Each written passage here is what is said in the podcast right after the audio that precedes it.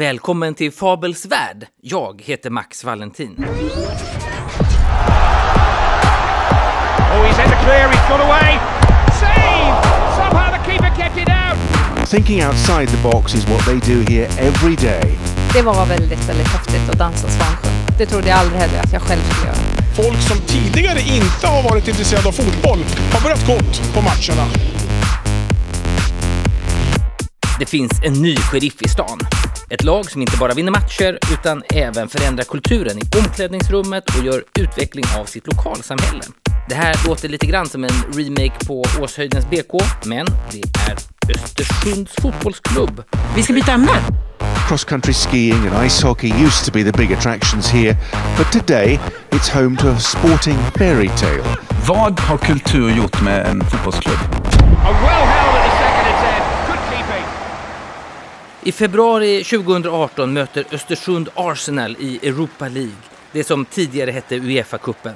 Det är en stor prestation att komma till slutspelet. Man har skrivit in sig i fotbollshistoriens tabeller och spelar i år kuppen med storlag som Milan, Atletico Madrid, Marseille och så Arsenal. Hur hände det här? Och framgångsreceptet stavas dans, teater och läsning. Jag heter Karin Wallén och jag är kulturcoach i Östersunds fotbollsklubb. Hennes jobb är att använda kulturen som ett instrument för att stärka laget. Vi gör det här för att vi vill vinna fler fotbollsmatcher. Det är den enkla anledningen. Vi tror att vi vinner fler fotbollsmatcher. Blir vi modigare utanför planen blir vi modigare på planen. Varje år genomförs ett nytt projekt som ska utmana gruppen. Att årligen göra projekt som utforskar något som ligger utanför deras comfort zone. Östersund har bland annat jobbat med ursprungsfolkstemat och rappat med Maxida Märek och haft läsecirklar med barn runt om i länet. Det kulturprojekt som, eh, som jag tyckte var på ett sätt liksom det svåraste och på ett sätt den största utmaningen och som därför också var så otroligt häftigt när vi klarade det, det var dansen. Det var en utmaning att, att lära sig och liksom och det var också fysiskt utmanande på ett sätt, även för våra fotbollsspelare, även om de är proffs, så är det här ett, eh, en annan, andra muskler och de behöver vila mellan sina träningspass. Det är inte så att vi ersätter träning, deras fotbollsträning med dansträning, utan det här blir liksom ett tillägg. Och de behöver egentligen vila däremellan. Så att det var en av anledningarna till att vi fick skjuta på hela föreställningen i två veckor. Men det var så häftigt när vi klarade det och de var sådana enorma pedagoger, vår våra koreografer Maria och Elin. De var fantastiska att jobba med. Så det, det är nog kanske det. Det var väldigt, väldigt häftigt att dansa Svansjön. Det trodde jag aldrig heller att jag själv skulle göra. När, när folk pratar om minnet från det, vad, vad, vad tar man upp då? Man tar upp att det var skitjobbigt inför, att man hatade det och att det var fantastiskt efteråt. Den här frågan, du kan smaka på den kan vi se vart den tar vägen. Men den är, när du gör det här arbetet, vems axlar står du på? Var, var hittar du din inspiration Ja, till exempel? Eller? Jag tror i mig själv lite grann att det för mig handlar om att eh, ja, men jag har inte, jag har inga, in, inte uppvuxen med liksom rätt efternamn, rätt kontakter och rätt pengar men jag tycker för mig har kultur varit en dörröppnare och eh, jag tycker att fler borde få veta det. Det är en jäkla konkurrensfördel att vara kulturellt bildad som det så fint heter.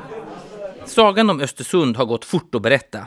2011 är man i division 2 Norrland och 2016 kommer man på åttonde plats i allsvenskan. Klubben grundades 96 och laget harvade under 15 års tid i division 2 Norrland. Men sen hände något. Man klättrade en tabell per år och gjorde internationell succé. Och vi består av ett A-lag och sen har vi en ungdomsakademi och på kansliet jobbar det ungefär 12 personer i dagsläget. Och hur många är i A-laget? Alltså det är 45, eh, 25 runt med spelare och liksom lite runt omkring. Så jag tror att vi, när vi har våra kulturträffar då är det både kansliet och spelarna, då är vi runt 45. Så ja, vad blir det då, 30-tal? Det handlar alltså om en ung medelstor organisation från en småstad i inre Norrland som på fem år gör en omställning till att bli en internationell aktör. Det är en leverantör av en mycket standardiserad tjänst, fotboll, men som lyckas leverera på ett nytt och engagerande sätt. Ett nytt ledarskap, uppdaterade spelaravtal, lyckad rekrytering och det kanske mest synliga av allt, spektakulära kulturprojekt De samverkar alla de här sakerna till utveckling. Men är det här överförbart till andra typer av företag eller organisationer? Och är det dyrt? Det är väldigt, väldigt olika. Vi har gjort allt ifrån liksom projekt för 50 000 till i år kommer det vara mycket, mycket dyrare. Alltså, men i år har vi också 12 skådespelare från Glada Hudik som ska ha betalt och massa människor så då, då, jag vet inte vad det kommer landa på riktigt men det är betydligt mer. Men det går att göra den här formen av kulturprojekt för ganska lite pengar. Det, det, man, det beror på vad man gör helt enkelt. Vi på Fabel träffar ständigt organisationer och företag som pratar om sin utmaning att de måste ställa om. Att man inte har en organisation som möter dagens verklighet. Idrott som metafor är tacksam men ofta stapplande. Man har sällan så tydliga regler och en så tydlig motståndare som inom idrott. Men jag tror ändå att Östersund kan funka som ett bra exempel. Det sparkar boll som alla andra fotbollslag. Den omställning man gjort handlar om organisationskulturen och det kan vi lära oss av.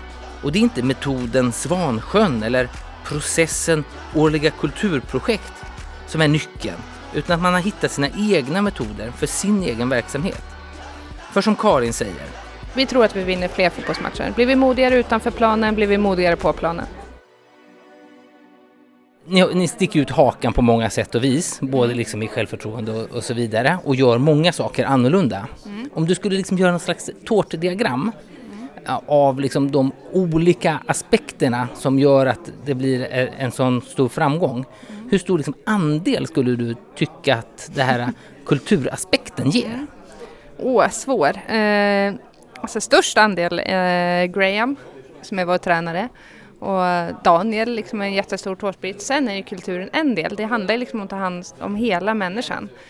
Eh, både på plan och utanför planen. Och där är kultur, jag ska, ska 20 procent? Mm, jag vet inte, äh, så ingen aning. så vilken är din spelplan? Och vilka egenskaper behöver du och dina medarbetare excellera i för att kunna prestera på er plan? Då sa Anders, då är det bara sekunder kvar innan det är dags. Nu är det upp till bevis för Östersund. Ja, det är det verkligen och det ska bli oerhört intressant att se dem ta sig an den här utmaningen. Jag vet att de har tränat extremt hårt. Ja, och förra säsongen då dansade de ju Svansjön uppe i Östersund. Men det här är på en helt annan nivå. Vad blir avgörande? Ja, det är arbetet utan boll som blir viktigt och, och det är nyckeln. Alla måste jobba för varandra och så gäller det att hålla positionerna. Och gör de det, då kommer det gå som en dans. Då så, sanningens ögonblick är här.